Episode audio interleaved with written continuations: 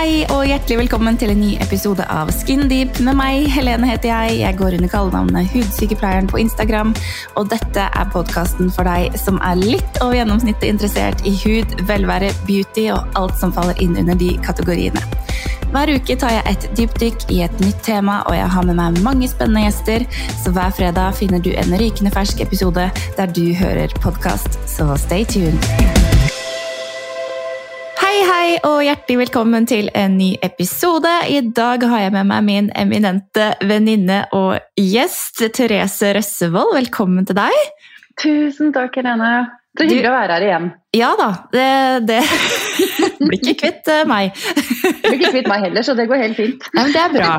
Men jeg må introdusere deg litt kjapt, for du er jo en pioner innen dette, denne bransjen. Du har jo vært både i somatikken, men også i den estetiske bransjen siden 2005.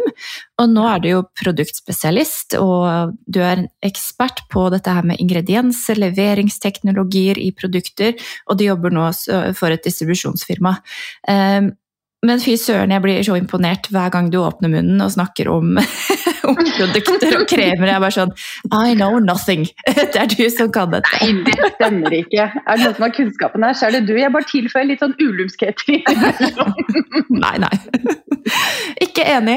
Ikke enig. Men uh, tusen takk for at du igjen uh, ønsker å stille opp. Og i, i, dag skal vi snakke om veldig mye gøy. Episoden har vi kalt for eh, trender. og vi har jo sett litt på hva er det som er trendy innen hud nå. Eh, vi har gravd oss litt fram til at det, det, handler om både fremdeles om kollagen, eh, det handler om litt sånn hyaluronsyre, eh, retinol er veldig inn, og, og, ikke minst ansiktsoljer. Så vi skal jo touche borti litt, litt av de, rett og slett. Veldig spennende. Det er faktisk veldig spennende. Det er det. Mm. Men, men, før den tid så tenker jeg at jeg må informere, informere våre lyttere om noe, og det er at Skin Deep um, går nå over i en ny fase. Vi um, Jeg sier vi fordi at du, du skal være med på lasset. Du er min ja, nye co-host. ja, det blir så gøy og så bra. Hjertelig velkommen til Skin Deep 2.0, for det er meg og det er deg, og vi skal intervjue internasjonale stjerner. Vi skal intervjue ja. mannen i gata, holdt jeg på å si. Vi skal ha et stort, stort spekter. Og hva, hva er det vi skal gjøre nå, Therese? Oh, jeg, kan få, jeg, kan ikke si alt nå, for det, da avslører vi en hel del. Men, Men vi, skal skal... Fall, vi, skal i hvert fall intervjue veldig store, kjente, eksepsjonelle guruer innen bransjen vi er i. Men ja. også kanskje folk som ikke er i bransjen, som ikke har så mye erfaring, men kanskje om noe helt annet. Ja. Så hvem vet hvor veien fører oss? Vi vil gå litt til høyre og litt til venstre, og så innimellom så går vi rett fram. Yes. Så håper vi folk blir med på den reisen som vi ja. skal ta fatt på nå. Enig. Og vi skal spenne litt bredere. Det skal ikke kun være estetikken. Vi skal ha med alt rundt. Alt som foregår i hodene våre, alt som skjer med kroppen, tanker, følelser, alt mulig eh, som har noe å si på hvordan vi, vi, føler oss og har det. Så det gleder jeg meg veldig til. Yay! Ja, det blir kjempebra. det blir så spennende. Og så kanskje bli litt mer personlig på, ja, som du sa helt i stad, at uh, hvordan hvordan vi har det, hvordan kroppen er i endring, og hvordan vi føler at kroppen endres, og litt mer sånt. Enig. Jeg er klar for å være litt, enda litt mer personlig også, kjenner jeg. Ja, det, det, det blir kjempebra. Mm. Ta det helt nedpå. Yes. Ja, men så bra! Kjempefint. Jeg ja. håper alle blir med på det her, i hvert fall. Jeg tror jeg kan bli superspennende og veldig morsomt, ikke minst. Ja, det, det tror jeg òg. Håper det ikke bare blir gøy for oss. Nei, det kunne vært litt stusslig. Vi har det jo gøy, da. Vi har det kjempegøy. Ja, ja. Nå sitter jeg og drikker julebrus, jeg. Um, har, har, du begynt på vin? Vet du hva jeg drikker? Mm. Kollagen. Kollagen? Ja. Yep. Du har den der med ferskensmak, du. Det har jeg, skjønner Nei, det har jeg ikke. Jo, det har jeg. ITP. Ice tea. Men mm. uh, altså det, vi må jo bare hoppe rett inn på kollagen, siden du nevnte det. Skål, ja. mm. For dette har jo Det er jo ikke akkurat noe nytt, men det vedvarer. Og det vedvarer, og folk bruker det. Men så, sånn at en viss effekt har det jo absolutt. Det finnes det jo masse studier på. Jeg vet du sitter med arka foran deg nå, og du har planlagt og du har researcha. Så kan ikke du bare fortelle litt hvorfor gidder du å bruke det, og hvorfor, hva er det som funker, og hva funker ikke? Å herregud, hvor, lenge, hvor lang tid har vi? mm. Nei, det som er at Kollagen er jo et protein. Ja. Eh, og det er det ikke alle som vet, faktisk. Nei. Eh, og 30 pro, eh, altså kollagenet, proteinet kollagen, er jo består jo 30, altså Kroppen består 30% av kollagen. For det er en Det er kroppens sånn. samlede proteinmasse, og det er ganske mye. Mm. Ja. Og så bare, altså Til og med 80% av det kollagenet fins i huden sammen med et annet protein som heter elastin. Mm, ja. Eh, og 60% kollagen finnes da i brusk i kroppen. Mhm. Og så har vi jo eh, flere typer kollagen. Vi har jo type 1-kollagen som eh, finnes i sener, det finnes i bindevev, det finnes i hud, knokler, tenner. Og det er den type 1-kollagenet vi bruker ofte i hudpleiebransjen, ettersom det reduserer også formasjon av rynker eller linjer. Da. Ja, ikke sant. Mm. Og så har vi type 3 for eksempel, bare for å ta en annen type, som utgjør størstedelen av kollagentypene vi har i hele kroppen, som vil si muskler, blodkar og diverse andre organer. Du ser mange av de som trener også, tar også kollagentilskudd da, for å Mm. opprettholde en god muskulatur. Men det som er trist, Helene, Ja. vet du hva det er? Nei. Hva? Hør nå. Etter fylte 20 år reduserer kollagenproduksjonen seg med 1% hvert år. Ja, det er triste tall, altså. altså, jeg trodde ikke mine egne øyne, så jeg måtte ja, gjøre en kjemperesearch. For jeg bare syns kanskje det var litt mye, men det er faktisk 1% i året. Så når du er 80 det- 80 år, da, så har du mista 80% av hele kollagenet ditt? Ja, og det ser du jo på innen geriatri, da, eldreomsorgen. Så ser du at de har jo ikke noe spenst, de har jo ikke noe særlig elastitet i huden. Det har jo klappa litt sammen, ikke sant. Ja. Jeg gjorde en mattefeil der. 60% Ja. Nei, men Helene. Litt tidlig på vinen. Nei da. Men jeg tror veldig mange har jo brukt kollagen i form av tabletter, da, og så har de funnet ut senere tid at kollagen er jo et veldig stort molekyl. Ja, det er, du kan jo, ikke, du kan jo for, eksempel, for eksempel ikke bare smøre det på huden. Det vil jo aldri trekke gjennom hudbarrieren. Så hvor, og hva fader er forskjellen da på om du spiser karbonadedeig eller Mm. kollagenpulver? Hva, hvordan ender det opp som Her kommer det jo det kommer an på produsenten da, av Ja. ja. kollagentabletten eller, eller drikke som du tar. Da. Men så lenge kollagen er hydrolysert, dvs. Si at det, det proteinet kollagenet blir fragmentert inn til mindre små fragmenter, som vi kaller peptider, Ja. så kan både hud på topiske produkter, altså kremer f.eks., eller serum, mm. da får det penetrert hudens barriere, og så får du penetrert helt ned i dermis, hvor fibroblastene sitter. Ja. Og da kan man stimulere for en kollagenpeptid. Fungerer jo som en nøkkellåsfunksjon. Da. Så peptiden er nøkkelen, og cellen har låsen. Så da går peptidet inn og låser opp cellen, så cellen selv produserer også mer kollagen. Hmm. Det er ganske interessant. Og med drikke så gjelder det samme med tarmen, for tarmene har jo også en type tarmbarriere, så ikke alt bare lekker ut i kroppen. Ja, ja. ikke sant? Ja. Og da må det også hydrolyseres ned til mindre fragmenter, altså disse peptidene, sånn at det kan da skilles ut fra tarmene, videre inn i blodstrømmen, og så tas det videre dit kroppen trenger det. Mm. Så det er ganske interessant. Jeg leste faktisk en um, forskningsartikkel fra 2019. I, den forskningen har blitt publisert i Journal of Drugs in Dermatology. Mm. Og Det var en sånn double-blinded placebo-data. da, og Den støtter oppunder at kollagentilskudd, som da er i peptidversjon, Ja. eh, øker hudens elastisitet og nettverk. Pluss at de nettverkene som er av kollagen, for kollagen i kroppen Mm. binder seg på en måte som et sånn veldig strukturert nettverk gjennom hele kroppen, men også huden. og Du ser det på kollagenfibre f.eks. Ja. Eh, Men når du blir eldre og det her avtar, og fibroblastene i huden eksempel, ikke klarer å produsere nok kollagen da, med tanke på alder, eller man er eksponert for alkohol eller for mye alkohol, Mm. overeksponering av sol, mangel på søvn og stress og alt det her, så blir kollagenfibrene slitte i endene, akkurat som håret fliser seg opp. vet du. Ja, ja. Mm. Som, og så klarer ikke de fibroblastene å produsere nok kollagen, så når de får disse kollagenpeptidene Mm. Det skal jo selvfølgelig mengder til, det skjer jo ikke over natta, det her må man jo bruke over tid. ikke sant? Ja. Da har, da har kroppens kollagenlager fyltes opp, og da er, det, er også kroppen i stand til å produsere nytt kollagen selv, også en, i en økt hastighet da, enn hva den da har blitt vant til over årene. ja, ikke sant. Mm, veldig, Det er, veldig spennende. det er veldig spennende. Samtidig så er det vel ikke noe sånn, det er ikke noe quick fix, for det er mange som bruker kollagen, og det er jo ikke sånn at man magisk blir ti år yngre av den grunn, men det kan jo hjelpe på kanskje at man ikke degenereres så fort, da. Ja, det som også er fint, vet du, at det, er jo ikke alltid sånn som huden. ikke sant? Det er jo et organ som Det vet jo du mer enn meg på mange måter. da. Eh, huden er det organet som tilsynelatende sist får næringsstoffer. Ja.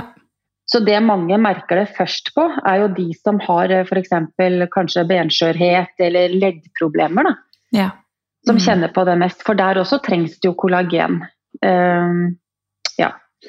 Riktig. Ja. Så det er ganske Kroppen fører det I teorien, da, samme som i hyaluronsyre, i teorien så skal kollagenpeptider fraktes gjennom blodet, og ditt kroppen trenger det mest. Mm. Og hvis du hele tiden har et overskudd på kollagen, så er det ikke kollagen du taper først når du eldes. da. Nei. Eldes gjør vi om vi vil eller ikke, men det er snakk om Jo, jo. hvordan ønsker du å eldes, og hvordan ønsker du å føle deg, ikke minst. Hvordan Ønsker du å ha god, god skjelettstruktur, ønsker du å ha, opprettholde en god helse, da. ikke bare huden, men selve helsa di, føle deg vel, Mm. så kan det være lurt å ta kollagentilskudd. Da. For, men jeg anbefaler kanskje å ta det i, eh, i væske, fordi tarmer tar lettere opp ting som er flytende enn ting som kommer i piller. Mm. Ja, ikke sant. Du snakket jo litt også om det her med topikalt, altså ting som påføres på huden. Mm. Um, det må jo være sånn at det å hydrolysere kollagen er en prosess som er ganske kostbar, siden det er jo ikke sånn at alle kremer som sier inneholder kollagen, at, at det har noe for seg, eh, sånn egentlig. Fnyser du? Jeg, jeg, jeg, jeg, blir litt sånn, jeg blir sånn trist og lei meg inni langt inni sjela. For det er klart Ja. at en eller annen produsent ikke sant, som eh, hvor, ja, Du kjøper et produkt, en krem eller et serum, da, så står det kollagen, og så tenker du yeah, det gjør kjempegod effekt på huden, og så har du betalt hva da, 50 kroner for den. Altså, Det kan godt være at du får produktet i 50 kroner som er helt ok, Jo, jo. men hvis det inneholder kollagen, molekylet kollagen, så vil det aldri gjøre noe annet enn å ligge på overflaten av huden. Den gjør ingenting. Nei. Det, er jo, det må jo ned det, det ligger jo, kan jo ikke bare ligge oppå overhuden på Hva er, på, hva er poenget da? Nei, det, det, det skjer jo ingen verdens ting, for det må jo penetrere ned Gjennom? til såpass dype lag da, at de i hvert fall får stimulert fibroblastene til å produsere mer kollagen selv Mm. også. Mm. Mm. Og det er jo det er ikke så innmari lett å komme seg gjennom lipidbarriere, eh, vannbarriere, for huden er vanntett og alt det der. Så Mm. eh, ja, det krever, krever litt eh, bak, altså. Så det er vel litt sånn, ja. Det er en kjempedyr produksjon. Det er klart at disse produktene som tar kanskje si 800 kroner da, for 50 milliliter, Mm. det er jo ikke helt uten grunn. Nei da, det er jo ikke det. De har jo en helt annen teknologi. De må bruke teknologi. De må bruke leveringsmolekyler eller leveringsstrategier i produktene sine som gjør at ingrediensene kan penetrere dypt nok. Da. Ja, det er nettopp det. Uh, ja. Så det er nok lurt å lese ingredienslisten og se om det er en variant, for det står ofte peptid. Da. Mm. Men bare sånn for å forklare disse peptidene, da, for det er jo ofte litt uh, misforstått. Egentlig så er peptider bare et generisk navn til en streng med aminosyrer. Og så For å gjøre det veldig enkelt, så har du først aminosyrene. Mm. og så bygger, hvis, de blir, hvis det er flere enn enn én kjede, hvis det er to kjeder med aminosyrer, så kalles det dipeptid. Dette ble det veldig tre- vanskelig. Nei, nei, jeg skal gjøre det veldig enkelt. Og så har du tripeptid. Men hvis du har 50 eller flere aminosyrer koblet sammen, så kaller vi det et protein. Ja vel, ja. Ja. Men hvis du har 50 eller færre aminosyrer i kjedet, Ja, så kalles det et peptid. ja vel, ok. Så aminosyrene er de aller minste, peptidene er mellomstore, og så har du proteinene som er det største. Skjønner. Ja, ja. Ja. men det, det var jo faktisk enkelt.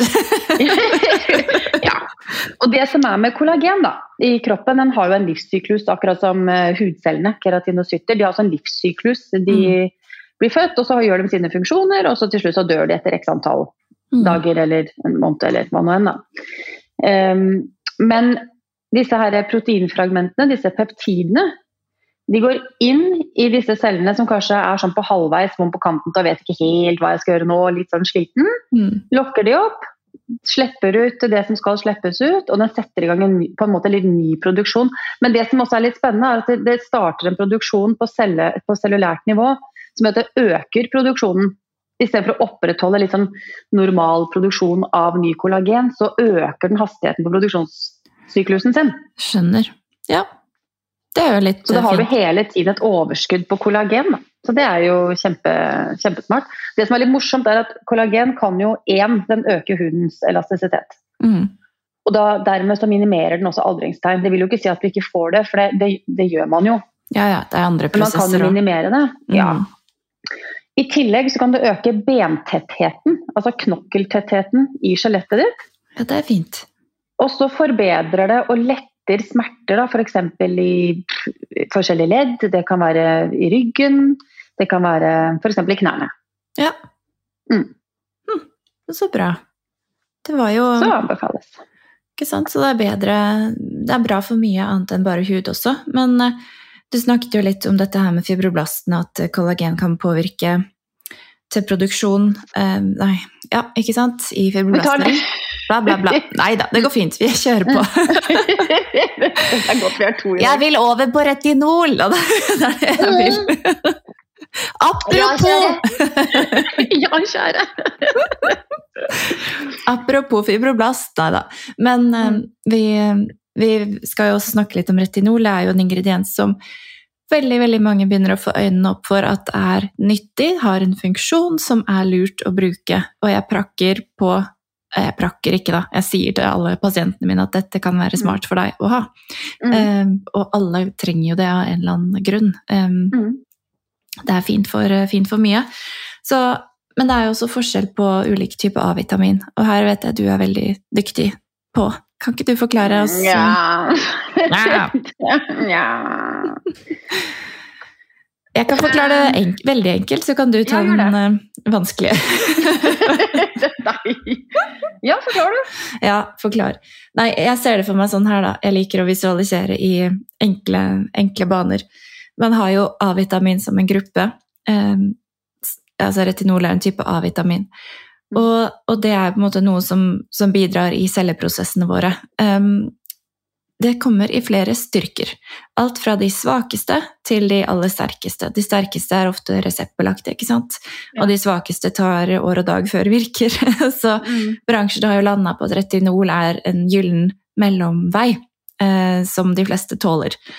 Så retinol og A-vitamin er jo på en måte noe som ikke akkurat banker pent på når de skal inn i en celle. De er litt mer sånn slår opp døra og 'hei, hei, her er vi', og det skaper en del irritasjon, kan gjøre. Og jo mm. sterkere retinoren er, jo mer høylytt er de inni cella, jo mer irritasjon, flassing, rødhet får man. Hoven. Hoven. Mm. Ja. Så, mm. men samtidig så er det, det er viktig, men det tar gjerne noen uker å tilvenne seg til denne gærningen som skal inn og, og gjøre godt, da. Men det tar litt mm. tid. Ja, mm. Det var min enkle forklaring. Så Skal jeg ta den kompliserte nå, mener du? Nei da. Men hva er, det, hva er, det, som er nyttig da, med dette her? Det som er litt spenstig med retinolet, den har litt samme funksjon som eh, kollagenpeptid, som vi snakket nettopp om. Yes. Retin retinol skal også inn i cellen. Mm. Eh, og aktivisere en del ting. Det som er, det som er med retinol det som er, det som er, Her kommer en annen ting som er litt uh, trist. Fra man er 0 til 20 år, ja. Så mister altså man, cellen mister sine reseptorer med ca. 70 fra 0 til 20 år. Mener du det? Ja, det er helt sant. Cellereseptorer så fort, de blir, hør nå, så fort de blir UV-eksponert, ja. så får de en skade. Mm. Selv om det produseres melanin som legger seg som en sånn paraply for å beskytte DNA inni cellene våre, mm. så er det ikke alltid at den produksjonen går like fort som UV-strålene er aktive. For de jo, kan være ganske kraftige. Ja. Uavhengig av om det er UVA eller UVB.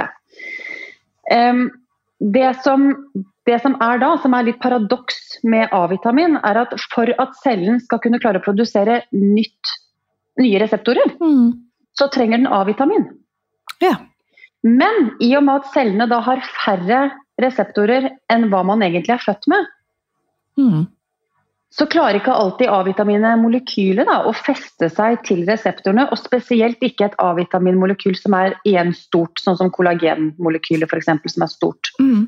Så der også, hvis man skal begynne på et eh, A-vitaminprodukt, eller retinolprodukt, ja. for retinol er jo et derivat av A-vitamin, som du sa, ja.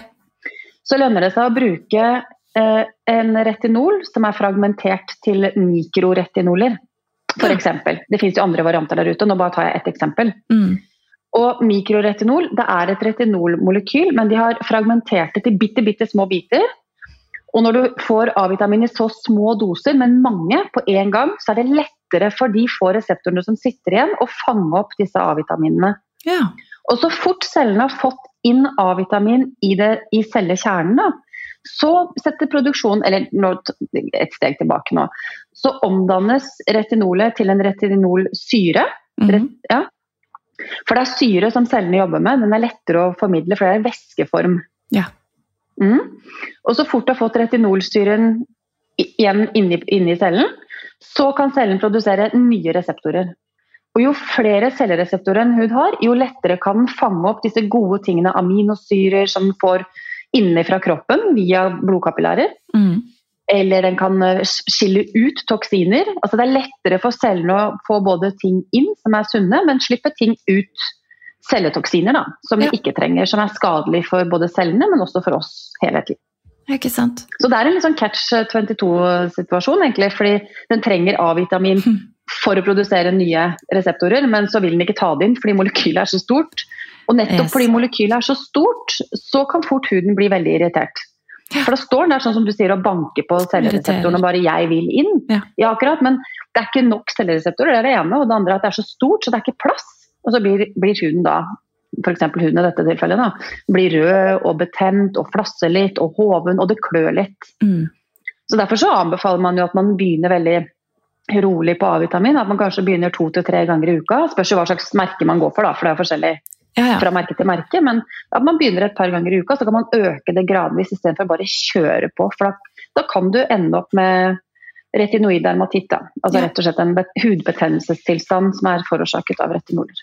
Og, og, noen, inkludert meg selv, kan jo ikke bruke retinol noe særlig mer enn to netter i uka. Uansett hvor hardt mm. vi prøver. Så sånn er det bare. Noen huder takler det ikke så godt.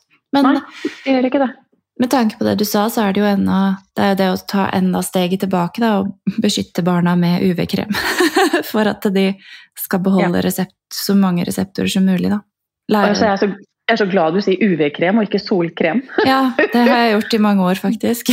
mm. Ja, Det syns jeg er helt fantastisk, for det er jo ikke solen i den grad man skal gjemme seg fra. Det er jo strålende, og det er jo yes stråler på dagen på vinteren også, selv om ja. ikke det er sol-sol. Så det er jo det som gjør at det blir lyst. Ikke sant? UV-lys gjør at eh, grønne vekster holder seg grønne. Og de er jo ja. ute, de er inne, de er overalt. Så kjør på. Det er, ikke, det er ikke noe man bare bruker tre måneder på sommeren. Nei, det er ikke noe bare når det er på stranda, nei. Det er klart, Man blir jo ikke like fort brent akkurat uh, på vinteren, men det er jo å redusere den der akkumulative dosen. Da. Den svære mm. dosen gjennom et helt år som man får i uh, huden. Det minsker også aldringsprosessen. Jeg kan jo skjønne, her sitter vi oppe på Bjerget da, ikke sant? og har x antall måneder med det er mørkt og det er kaldt. Ja. og jeg skjønner veldig godt eh, Jeg har gjort det selv. Jeg er synder så det synger etter. Jeg har fått lide for det i etterkant. Men ja. uh, vært på stranda, husker jo den gang da, 2500 år siden, hvor man smurte seg med olje og sånn. det er pinlig, ikke sant? Å nei og du. ja, men, ja. Eh, og da kommer man på høsten og bare Jeg skjønner ikke hvorfor jeg har fått så mye pigmenteringsflekker. Jeg fatter ikke hva de flekkene her kommer ifra. Nei, mon tro si det, du. ja, jeg ser på mm. armene mine at jeg begynner å få sånne hvite flekker. Sånne bitte små, der hvor pigmentet ja. bare har daua helt. Og det kom jo fra min solariumstid, mm -hmm. når jeg var sånn 16-17-18 år på Notodden, råna rundt i Corollaen min og tok sol, liksom. ja. Da skulle man være brun. Jeg ble jo ikke brun, så jeg lå der jo veldig lenge, og det ble ofte brent, da. Så det, det får jeg svi for nå. Så, men sånn er det jo. Jeg tror de aller fleste har syndet på, på sol et eller annet tidspunkt. Dessverre. Jeg, altså det, jeg skjønner det jo godt, man er jo så solsulten om sommeren. ikke sant? Er jo, sol er jo som mat for sjelen, det er jo det. det er og man det. trenger jo den tilførselen av D-vitamin også, men det er bare alt med måte. da, Det er den balansen der. Ja. Og du blir jo du får jo farge selv om dere bruker solkrem. UV-krem. Ja, ja, ja. Absolutt. Det bare tar bare, kanskje litt lengre tid. Tar, ja, men det som er så kult, er jo at da sitter jo fargen enda lenger. Det var litt mm. morsomt, fordi i sommer så var jeg med sønnen min til Spania. Ja. På ferie. Og så, jeg er jo en sånn vi, vi, går ikke under faktor 40, det skjer jo ikke. Nei. Og selvfølgelig bredspektra, både mot UVA og UVB-stråler. Mm. Og smørte inn han, og smørte inn meg, og han var så sint. at jeg blir jo ikke brun, mamma. Ja, men vent nå litt nå. Så gikk det ikke lenger enn en og en halv dag, to dager, så var han relativt brun. Mm. For så vidt jeg òg, jeg er litt eldre, så det tar litt lenger tid. Men det som er gøy, er at når vi kom fram på Gardermoen, så var vi fremdeles brune. Ja. Fordi 70% av de andre på fly hadde satt allerede og flassa. Ikke sant? Ja, de flasset Ja. av, ja. Mm, det var såpass. Mm. Ja. Og nå er vi, det her var i begynnelsen av august, nå er vi i oktober, og jeg er fremdeles skille. Ja, det vil jeg si er en eh, bra greie. Ja. Så det er jo det som er positivt med, med UV-krem. Fordi Mm. strålene det penetrerer så dypt. Ja. Og du får en så jevn, fin brunfarge som varer ekstremt lenge. Istedenfor den overfladiske brunfargen etter at du har vært rød, da selvfølgelig. Ja. Den forsvinner så fort. Men den der rødt blir brunt sitter hardt i folket, altså. Ja, den gjør det. Dessverre. Det er, men det er, vi ser jo det. Du ser jo det, du òg. Det er jo Ja, ja. pigmentskader og i verste tilfelle melanomer, da. Ja, det er det, nettopp det som skjer. Hver gang man får en overeksponering sant, i, av Mhm. sol, så skjer jo først denne pigmenteringsprosessen, at stakkars melaninet vårt prøver å beskytte cellekjernen for, for all cost, og legger seg over som en paraply. Ehm, så når man blir brun, så er jo skaden alt skjedd, egentlig. Dessverre, da har man fått en overeksponering. Men Og vet du hva som er helt tragisk, egentlig? Nei, hva, ikke- er tredje tingen som er tragisk? ja, men som det er verdt å tenke litt på, da. Fordi alt det vi gjør i dag, alt Mhm. det vi putter i oss, alt det vi gjør, alt det vi tenker, situasjoner vi står i, alt lagres i DNA-et vårt. Ah, Og vet du hva som er det spesielle med det? Det var det jeg skulle frem til. Ja. Det går i arv.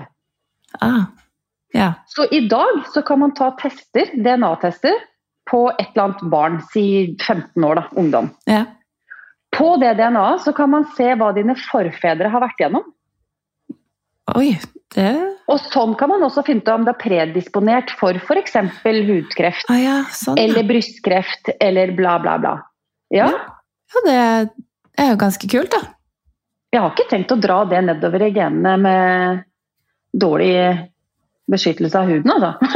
Eller noe annet, for den saks skyld. nei, nå har jeg fått de to barna jeg skal ha, så nå er den skaden eh, Den er gjort, i så fall. Jeg tror Det er ikke det at man ikke skal leve og bare tenke kjempefarlig, men det er liksom morsomt å ha det i bakhodet. da, At eh, det vi gjør i dag og det vi Mm. ikke gjør, det printes inn i DNA-et vårt. Det er veldig spesielt. Ja, det er litt kult. Er, mm. og, og rart. Men eh, ja, ok. Vi må over på neste tema, og det er jo noe som både du og jeg syns er veldig spennende, og som vi har testet en stund nå. Dette her Ja. med hyaluron eh, drink. Det mm. er jo nytt i Norge, men slett ikke nytt i verdensbasis, holdt jeg på å si. På verdensbasis. Det, den, det Mm. merket vi har prøvd, er vel fra Tyskland, om ikke jeg tar feil. Det er tysk, ja. Ja. Mhm. Og det, det er noen gode studier der, altså, på, og gode resultater, eh, som har vist både forbedring på hud, hår, negler og ikke minst ledd. Hvordan Ja. eh, opplever du eh, de, nå etter at du har prøvd en stund, du har prøvd litt lenger enn meg? Ja, vet du hva, det er jo, det er jo veldig nytt eh, i Skandinavia, egentlig. Mm. Um, fordi i Mellom-Europa og Sør-Europa så drikker de jo det her som uh, vann. Ja. Ikke, ikke i store mengder, da, for du skal jo ikke ha så store mengder. Men eh, jeg må si, det første jeg merka forskjellen, var hudstrukturen. Ah, Nei, nå lyver jeg faktisk. Det var ikke hudstrukturen, det var leddene. De har litt Ja. knær av masse gammel trening og sånn. Tuller så Tuller du? Det var- mener du det? Det er, jeg, ja, det er det jeg tenkte. Ja. Det er det, det er det første jeg merka det på. Jeg merker det veldig godt når jeg løper. Jeg får ikke samme smerter i knærne lenger Ah. som jeg gjorde før. Eh, Så det merker jeg veldig godt på. Jeg merker at eh, jeg føler meg bedre. Sånn jeg klarer det. Eh, Jeg føler meg mer oppfriska av en eller annen merkelig grunn. Og det er etter at jeg begynte med det. Det tar litt tid før det virker da. Ja. Men uansett. Og selvfølgelig huden, særlig huden på halsen. Linjer og rynker på halsen var kanskje det jeg så først. Og på brystet. Så kult. Mm. Ja, Jeg har egentlig bare merka det på knærne enn så lenge, men nå har jeg bare brukt en måneds tid, da. Ja, de sier jo to måneder før eh, ja. Mm. ja, men eh, det første er jo ja, Nei, vet du hva, hyaluronsyre får ikke jeg skrytt nok opp i skyene. Gullkombinasjonen er hvis man kan ta både kollagen og hyaluronsyre. Ja, ikke sant? Mm, i, altså å drikke det, da. Da blir man Men det som er, vet du, hyaluronsyre har blitt brukt til f.eks. hester, løpshester, travhester i mange år. som, som de har drukket? Eller fått Som de har injisert? fått i, fått i kosten sin. Mm.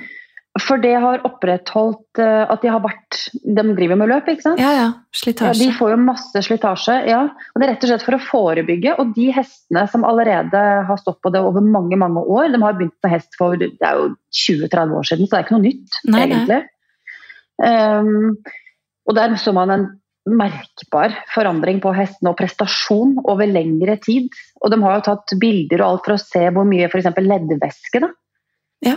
Eh, som er opprettholdt i, i um, skjelett og struktur på hestene. Og det har vært helt ekstrem forskjell, 82% og sånn, kontra de hestene som ikke gjorde det i samme tidsperiode. Så det er ganske spesielt. Du bruker det også på hunder eh, som har eh, f.eks. hoftedysplasi ja. eller albuedysplasi. De hundene får også hyaluronsyre. Og det husker jeg min gamle schæfer hadde. Ja, Mm. Skulle gitt den litt hyaluron, vet du. Jeg tror ikke det fantes på 90-tallet, kanskje. Kanskje. Nei, det Nei. gjorde ikke det. Men på mennesker da, så har du ikke blitt uh, noe særlig før Altså det merket som du prøver nå, Ja. uh, dem etablerte seg i 2012. Og der er det to uh, leger og spesialister på hvert sitt område i forskjellige felt. ja. som møtte en annen som forsket på tilfeldig. Han var forsker inne på hyaluronsyre. Eh, og de sammen eh, fant ut at hvorfor kan man ikke gjøre det her på mennesker, og gjorde masse forsøk. Mhm. Eh, og så har det vist seg at det har jo gitt en kjempekraftig økning av både fuktighetsnivåer i huden. Eh, leddvæsken er betraktelig tykkere og mer eh, altså sunnere leddvæske. Økt leddvæske. Det binder jo fukt, så det synger etter. Visste du at 1 mg hyaluronsyre binder 6 liter med vann? Nei. Men, Det er store mengder, altså. men hvordan er det mulig, da? Sånn egentlig sånn fysisk? Nei, fordi Hyaluronsyre produseres jo også i kroppen naturlig, ikke sant? men Ja. det avtar jo også som med kollagen. Da, så avtar jo det også med, med alderen vår. Mm. Eh, og Størstedelen av hyaluronsyre finnes bl.a. i øynene, i sklera, det hvite, det skjelettaktige du har i øynene dine. Det er hyaluronsyre. Ja, det er geléaktig, regner jeg med du mente nå. Ja, hva er det? Skjelett nå, skjønner du. Tror jeg går over til vin med en gang. Ja, kjør på. uh, ja, huden, bindevev, og så det som jeg snakket om da i øynene. Mm. Gelé. Gelé-aktig Gelé. Ja. uh, og det som også er så fint med hyaluronsyre, det bindes jo um, nå, skal, du, nå skal jeg ta hele greia. ja, fordi jeg Hvis du, tenker det, men... hvis du tar inn 100 mg hyaluronsyre, Ja. det, det, er, det er den mengden du tar. Ja. Sånn som det, det vi tar er 10 mg nå, ikke sant? men hvis, Mhm. du, hvis du tar inn 100 mg om dagen, så er det ca. 10 mg av det som går ut uh, som waste-produkt. Ja. 90%, altså 90 gram av det går videre da inn i lymfesystemet. Uten, eller det vil si at det er ikke avhengig av blodstrømmen din. Nei. Så du får opp opptaket på hyaluronsyre, og det er masse studier på. 90 mg av 100, og det er mye hvis du, hvis du kontrer det med kollagen f.eks. Mm. Hvis du har kollagenmolekylet, så går 70% i waste. Mm. Hvis du har peptidmolekylet, så er det 15% som går til waste. Altså urin, da. Ja. Mm. Så det er jo ingenting. 10 mg av 100. Og deretter så nedbrytes det jo i, i magesekken bl.a. av enzymer Mm. eh, og tarmbakterier. Og der, når det kommer inn i tarmene, og dette brytes ned av disse enzymene, så endres hyaluronsyren til enten mono- eller oligosakarider. Og det absorberes da i tykktarm eller tynntarm. Det vil si at det kan penetrere denne tynntarmsbarrieren. Skjønner. Ja. Og derfra så kan du da ta opp Det blir opptak, da. Og så blir det en resyntese i cellevev i, eh, i ledd som heter synovialis. Å, jøsse. Og derfra så blir det overført til leddvæske som Ja. heter synovia. Og leddvæske er en sånn tjukk Hva skal man kalle det? da? En sånn tjukk masse. Litt sånn uh, brystimplantat. Litt sånn tjukk Hvordan skal jeg kalle dette her, da? Ja, Jeg skjønner hva du mener. En Ganske sånn tett, eh, tett um, Ja, Ja, tett, som, det er som en blir som en halvveis gelé som er der for å liksom smøre ledd og tjoho, da. Stemmer. Og der jo eldre vi blir, jo mindre klarer kroppen å opprettholde på sine egne fukt, fuktighetsnivåer. ikke sant? Ja. Du vet jo det med transepidermalt vanntap. Vi mm. lekker mer vann, om du kan si det sånn. da. Ja. Og Jo eldre vi blir, jo mer sileaktig blir vi. Så sant ikke vi opprettholder dette her. Og Det kan jo enkelt opprettholdes da med f.eks. hyaluronsyre. I stedet for at det vannet fordampes mm. gjennom dagen, så blir det igjen i kroppen. Ja. Det vil ikke si at man ikke fordamper, for det gjør man jo. Det gjør man jo. Bare man puster, så fordamper man jo. Ja, men du vil få du vil opprettholde en bedre hemostase i kroppen da, ved å ha høyere fuktighetsnivåer enn om du ikke har det. Mm. Eh, og når det har vært, eh, kommet seg til leddvæsken, eh, synovia, så føres det derfra og videre inn til leddkapslene. Og det er der kanskje du kjenner det først, med tanke på de knærne du nevnte. da. Ja, det tror For det er jo der man ofte ja, og I huden så blir det opptak og resyntese i cellevevet i huden. Altså Bl.a. disse fibroblastene som produserer kollagen og elastin, som opprettholder både den litt sånn plumping-effekten i huden, men også at du har elastisiteten der. Eh, og Der er det både fibroblaster i dermis, men hyaluronsyre øker også størrelsen på keratinocyttene. For keratinocytter inneholder en del væske når de blir født. Aha. Og det lekkes jo ut når ja. det flates ut. ikke sant? Ja, ja. Men i og med at det får tilførsel av hyaluronsyre, så klarer den å opprettholde cellevæsken på en Lengre. mye bedre måte og lengre måte. Det vil si at de cellene som da dør, mm. de slipper ut sunnere fragmenter, ja. som frie fettsyrer, kolesterol, eh, andre typer lipider, som da dannes, dannes hudbarriere av. Og da vil jo huden plumpe seg opp, da, når de beholder ja. væsken. Ja. Du ser en sånn plumping-effekt. Jeg må bare si en, eh, en veldig god kollega av meg i Sverige. Hun har også drevet med kollagen, nei, kollagen skal dere, hyalurondrikken hyalurondrikke nå ja. siden ja, mai-juni. Hun hadde ganske, ikke mye, men hadde litt rynker på halsen. Litt sånn, hun så veldig godt aldringstegnet der først. Ja. De er borte. Oi, helt borte. Men liksom. så, det, er, det er ikke noen rynker der. Nei. Altså, vi måtte jo bare ta før- og etterbilder av det, for det var jo nesten urealistisk. Men det var utrolig gøy å se. Og samme med henne også, med litt leddproblemer og litt leddbetennelser og en liten sånn eh, Ja, jeg har en mor som har leddgikt, f.eks. Ja. Hun har stått på hyaluronsyre i tre år. Fire år. Nettopp. Ja. Og har jo nå sluppet medisiner. Jeg sier ikke at det er en mirakelkur, men det bidrar i hvert fall til å opprettholde en god hemostase i kroppen. Da. Ja. Ikke det gjør det. Mm. Ja, interessant. Vi får prøve å fortsette å teste litt og så se hva the final verdict blir. Rett og slett. Ja, men det som også er, jeg tror kanskje er essensielt i når man skal både velge kollagenpulver eh, og hyaluronsyre, er at det inneholder også mer enn bare det. Ja. F.eks. i kollagen så er det jo sink, eh, C-vitamin, for C-vitamin øker jo også kollagenproduksjonen. Mm. Eh, biotin Biotin er kjempegodt for keratin, som finnes i negler og hår, men også huden. Mm. Også i eh, hyaluronsyre så bør det være f.eks. Der er det også sink og vitamin C, men der har du også tilsatt vitamin A veldig ofte. A-vitaminet. Ja. Og så har de tilsatt vitamin B2 Um, I tillegg til vitamin E. Så der har man også en sånn god kombinasjon. Da. Og hvis man kombinerer det, som egentlig er det optimale, og det mm. beste hvis du virkelig ønsker å merke forskjell selv på kroppen din og hvordan du føler deg, mm. så er det jo om du kan kombinere hyaluronsyre med kollagendrikke. Drikke de hver for seg, men samme dagen. Fordi hyaluronsyre hjelper på en måte kroppen til å benytte seg av kollagenet. Skjønner. For nå har du bedre fuktighetsnivåer, og da opererer cellene på en optimal måte. Ja, ja. Jo mer tørr og dehydrert kroppen er, det er ikke bare huden, det er hele kroppen, ja, jo dårligere jobber cellene. Jo tregere beveges de, jo tregere fornyes de. ikke sant? Yes. Mm. Men i og med så, at det inneholder A-vitamin, så må jo da gravide holde seg unna, da. Det er det, vet du. Fordi det er jo ingen som tør, og det skjønner jeg veldig godt, som tør å teste noe som helst av A-vitamin på gravide eller på ammene. Ja, det er totalt uetisk, men samtidig Fullstendig. Men man har jo vært borti for mange herrens år siden så har man vært borti folk som har tatt f.eks. vitamintilskudd. ikke sant? Mm. Og så har det vært store doser med A-vitamin, og så har det vist seg at fosteret har fått eh, åpen rygg. Ja. Eller spalta av gane. Ja. Og Det er derfor de som står på tretinoiner, da, du, altså retinol A-vitamin, som du får foreskrevet av dermatolog f.eks., ja. de må jo testes med urinprøver og blodprøver hver tredje uke ca. Mm. Både for å sjekke levertilstanden, i og med at A-vitamin er fettløselig, så det forblir i kroppen veldig lenge, Ja. kontra et vannløselig vitamin som vi urinerer ut Ja. hyppig. Ja. Mm. Og der er hyaluronsyre fint, for 3-6% av kvinner på verdensbasis sliter jo med hyppig vannlating, spesielt etter svangerskap. ja, ikke sant. Og Ja. da kan hyaluronsyren være kjempefin, for den reparerer blærevevet. Som er da overaktivt, sant? Mm. Ja. Ja. Mm. Eller også fått noen skader, da. ja. Så det er øh, å anbefale. Spennende.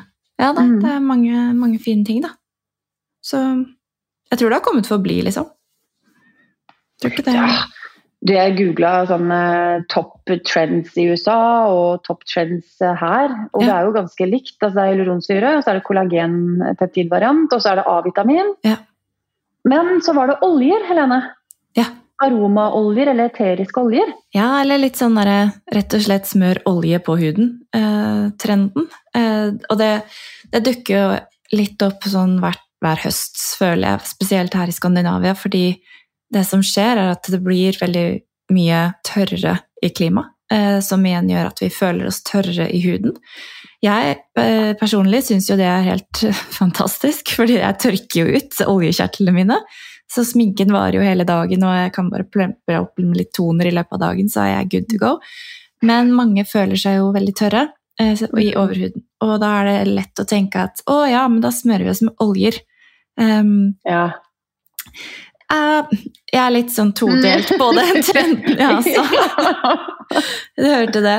Fordi det er jo Jeg så det òg! ja, men, eh,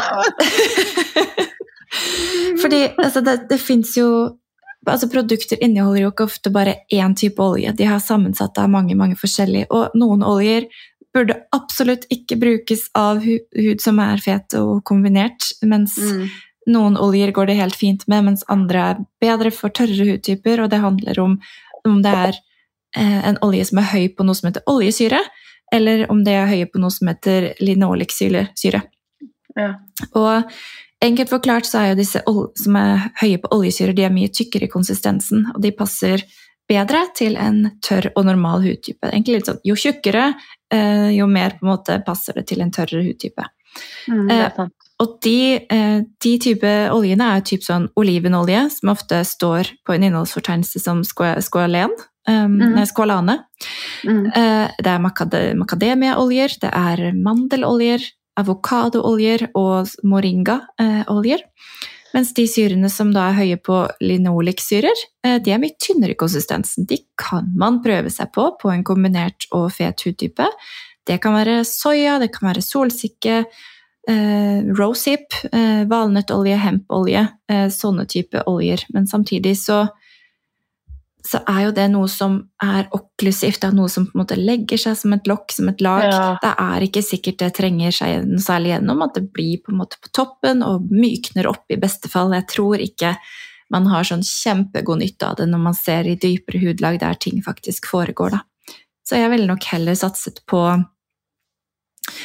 fuktighetsgivende serumer med melkesyre, med hyaluronsyre, eh, Mm. og lagt en rikere krem, kanskje med ceramider på toppen. Ja, funnet en litt annen, annen vei til en god, komfortabel høst- og vinterhud. Eh, men kjør på hvis man ønsker å prøve, men har man en litt sånn acne-prone skin, så kan det hende at man blir litt verre, altså, hvis man smører seg med olje. Og så spørs det på produsenten og teknologien om de i det hele tatt bruker det. Ja, ja, ja. Jeg blir litt svett når du ser økologiske, eteriske oljer. Ja, men kjære dere, disse molekylene er så store at de får ikke gjort annet enn å mykgjøre akkurat overflaten, og den overflaten er som regel den du gjerne vil bli kvitt, for det er døde hudsteller som du kanskje ikke har eksfoliert de siste tre årene. Du Bare limer de fast, da. Ja, ja det er jo akkurat det, og da vil du få en forverra hudtilstand. Ja. Det er jo veldig logisk, Det er jo det. eh, når man snakker om det sånn høyt. Ja. ja. Ja. Og det er jo også dette her med at noen oljer, spesielt eteriske, og jeg sier kan, det er ikke sånn at alle, men de kan være allergifremkallende fordi de er eh, naturlig. Det er ikke alle som takler det like godt. Kroppen vår liker ofte bedre syntetiske ingredienser, men det er jo selvfølgelig også enkelte produsenter som bruker veldig, veldig høy kvalitet og gode essensielle oljer eh, i sine produkter, som da kan fungere ypperlig. Mm. Mm. Det er jo noen produsenter som ikke henter ut oljen fra um, Det er veldig mange som Jeg tar den en gang til, for det ble bare rot. Ja. Det er jo noen produsenter henter ut oljen fra den som er mellom skallet uh, Altså selve skallet på en, på en nøtt, f.eks. Ja. For å ta en nøtt, nå bare tar jeg en nøtt. Ja. Uh, og kjernen. Det er den billigste oljen. Det er også den som kanskje har de største molekylene som ikke vil penetrere. Ja. Men så har du jo de naturlige kildene hvor de faktisk Men det er altså Igjen, da går vi tilbake til teknologi og så går vi tilbake til kostnader ved produksjon. ikke sant? Ja. De henter f.eks. fra hasselnøtt. da, mm. Eh, så henter de oljen ikke fra der selve skallet sitter. Det er det som er allergifremkallende. Mm. Ikke oljen inn i kjernen. Nei, ok. De skreller av hele greia, da. Først. Det er bare helt vekk. De henter bare oljen. Det som er da, vet du, er at da trenger du flere nøtter. Masse. For den oljen er mindre enn om de bare komplett presser hele greia, og så får de ut olje. Ja. I stedet for å ta ut bare litt og litt og litt fra, fra selve kjernen. Mm. Det er der du får de små molekylene, den gode oljen som faktisk kan penetrere. Jeg snakker ikke om dermis her nå, glem det. Ja. Men det penetrerer i hvert fall litt dypere enn akkurat å bare ligge på overflaten og ikke gjøre noe som helst. Mm. Og Det samme med, med urter og jeg vet roseblader f.eks. Mm. Der også kan du eh, kaldpresse det, eller du kan varmpresse det. Det kommer an på hva slags teknikk og teknologi de bruker. Da, så det er super ja, Det kan bli en ganske superkomplisert samtale. Jeg tror ikke vi skal gå inn på det. men biokjemi er veldig veldig spennende. Altså, det er utrolig, Noen har lyst til å selge produkter som lukter kjempegodt, men som kanskje ikke har en kjempegod fordel for huden. Som mm. du sier, at det blir for tett og du får forverret hud enn bedre. Mm. Også langsiktig, da. Mm. Ja. For det er jo ingredienser sånn som A-vitamin, så blir huden ofte verre de første tre til fire ukene før det blir bedre. Og det blir ikke bedre før det har gått 68 uker. Ikke sant. Hyaluronsyre har en ganske umiddelbar effekt hvis du fører den på huden. Ja, det det. Hvis du skal smøre den på topis, da, så er det umiddelbar effekt. Mm. Og så blir det bare bedre og bedre. Retinoler det virker jo ikke med en gang. Det tar jo tid. Det tar tid. Det er en tidkrevende prosess, og det kommer jo an på hva man Og Squalan er jo også en veldig eh, god ingrediens også for de som har akne, men da må du bruke en helt annen teknologi. Du mm. må mikronisere partiklene, eller så makes no sense. Enig. Enig. Det kommer ingen vei. Nei, det er nettopp det. Men jeg var faktisk på Jeg skal ikke si hvor, jeg skal ikke si hvem, jeg skal ikke nevne noen navn. Ikke gjør det. Tidenes, nei, ikke gjøre det. Tidenes sjokk var når jeg gikk inn på en salong som brukte Rema 1000 olivenolje som massasjeolje base. Ok. Ja. Um, den kjente jeg Da var det nesten så jeg, Det var to valg. Jeg hadde blitt enten veldig forbanna eller at jeg nesten gråt. Ja. ja, tenk det Hvis noen hadde massert ryggen min med, med det, så tenker jeg hadde fått lide i noen uker etterpå lukter det ikke, vet du, for de tilsetter så mye eteriske oljer. ikke sant? Ja. Det er sikkert en Det var vel en billig base, da. For alle, hvis du skal massere, så er det jo Du må jo ha en base i bånn. Ja, ja. Men eh, vi liker jo å tenke kvalitet hele veien, og det, sånn er det jo i samfunnet at det er slett ikke alle som, som gjør det. Dessverre. Det var en veldig fascinerende opplevelse. Ja, det skjønner jeg. skjønner jeg. Tenkte, jeg kan ikke anbefale det. Ikke bruk olivenolje, vær så snill. Det fins mye annet. Altså, bruk gjerne olivenolje, men ikke den du får kjøpt på matbutikken. Vi skal ta en episode tenker jeg, på sånn hjemmelagde ting um, som folk lager hjemme. Kanskje vi skal prøve noe av det selv også? Å, kjære vene. Det var jo faktisk på, den, på de listene jeg sjekka på, vet du, Helene. Ja. Der var det faktisk i USA, så var det på sjetteplass. Do it yourself. Ja. Uh, har du sett den derre five minute uh, hacks-kontoen? Nei. Nei, det, ikke gjør det heller. Skal jeg gå inn? Nei. de har, gjør så mye rart. at det, de pisker eggehviter og legger det på med avokado, og det er liksom alt mulig rart.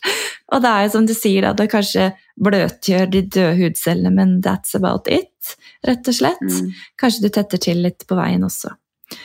Nei, uff, vet du hva. Men det jeg tenkte jeg skulle si ja. hvis, mm, ja. hvis noen som lytter, lurer på hva det er vi snakker om eller har noen spørsmål rundt det vi har snakket om, så er det bare å kontakte enten meg eller Therese på, på Instagram. Ja, ja, gjør det. Jeg mhm. heter mm. Hudsykepleier. Hva er din eh, konto? Uh, R. Therese. R. Therese. Ja. Det er ikke så veldig vanskelig. R. Therese. Så ja. er det spørsmål, så er det hjertelig velkommen til å stille de, så kan vi svare så godt vi kan. Men jeg tror vi skal runde av nå, ja. Jeg tror det var ganske greit. Jeg håper de som har lyttet, uh, har kost seg litt, i hvert fall. Ja. Med nerderiet vårt. jeg håper ikke vi forvirrer mer enn vi ja. ja. Hvis man blir forvirra, så er det bare å ta kontakt med oss. Det var hyggelig. Og ja. vi kan jo tease litt på neste episode, for den har vi jo faktisk allerede laget. Uh, vi har jo fått tak i en enormt ja. uh, kul internasjonal gjest som er Det er helt surrealistisk at han har giddet å prate med oss, faktisk. ja, faktisk. At han har tatt seg tid, det skjønner ikke jeg. Og det var, Hvor lenge snakka vi? To timer, så jeg tror kanskje vi skal dele det opp i to episoder. Jeg lurer på det, for det, var, det, det, det jeg tror var mer enn to timer òg. Ja. Det var i hvert fall veldig lenge, men det var utrolig altså, spennende. Det var så spennende, og han, han, er så dyktig på å forklare ting på en enkel måte. Og vi spurte alle spørsmål vi hadde, bombarderte han, og det var veldig gøy. Um, ja, og så forklarer han det så ekstremt nøye. Ja. Du får det så i detalj, mm. samtidig veldig enkelt. Ja. Han er jo en guru. Altså... Herregud. Og vi, vi snakket jo om alt fra eksem, til leveringsteknologi, til ingredienser som er gode for oss her i Norden. Altså mm. alt mulig. Så, til ernæring kommer ernæring. på, faktisk. Yes, riktig. Nei, Så det kan vi glede oss til. Ja, eh, det blir superbra. Yes. Vi snakkes, eh, vi snakkes om litt, folkens. Ha det godt så lenge. Og ha det til deg, det. Therese. Jo, ha det, Helene. Kos deg videre. Det også. Ha det. Ha det.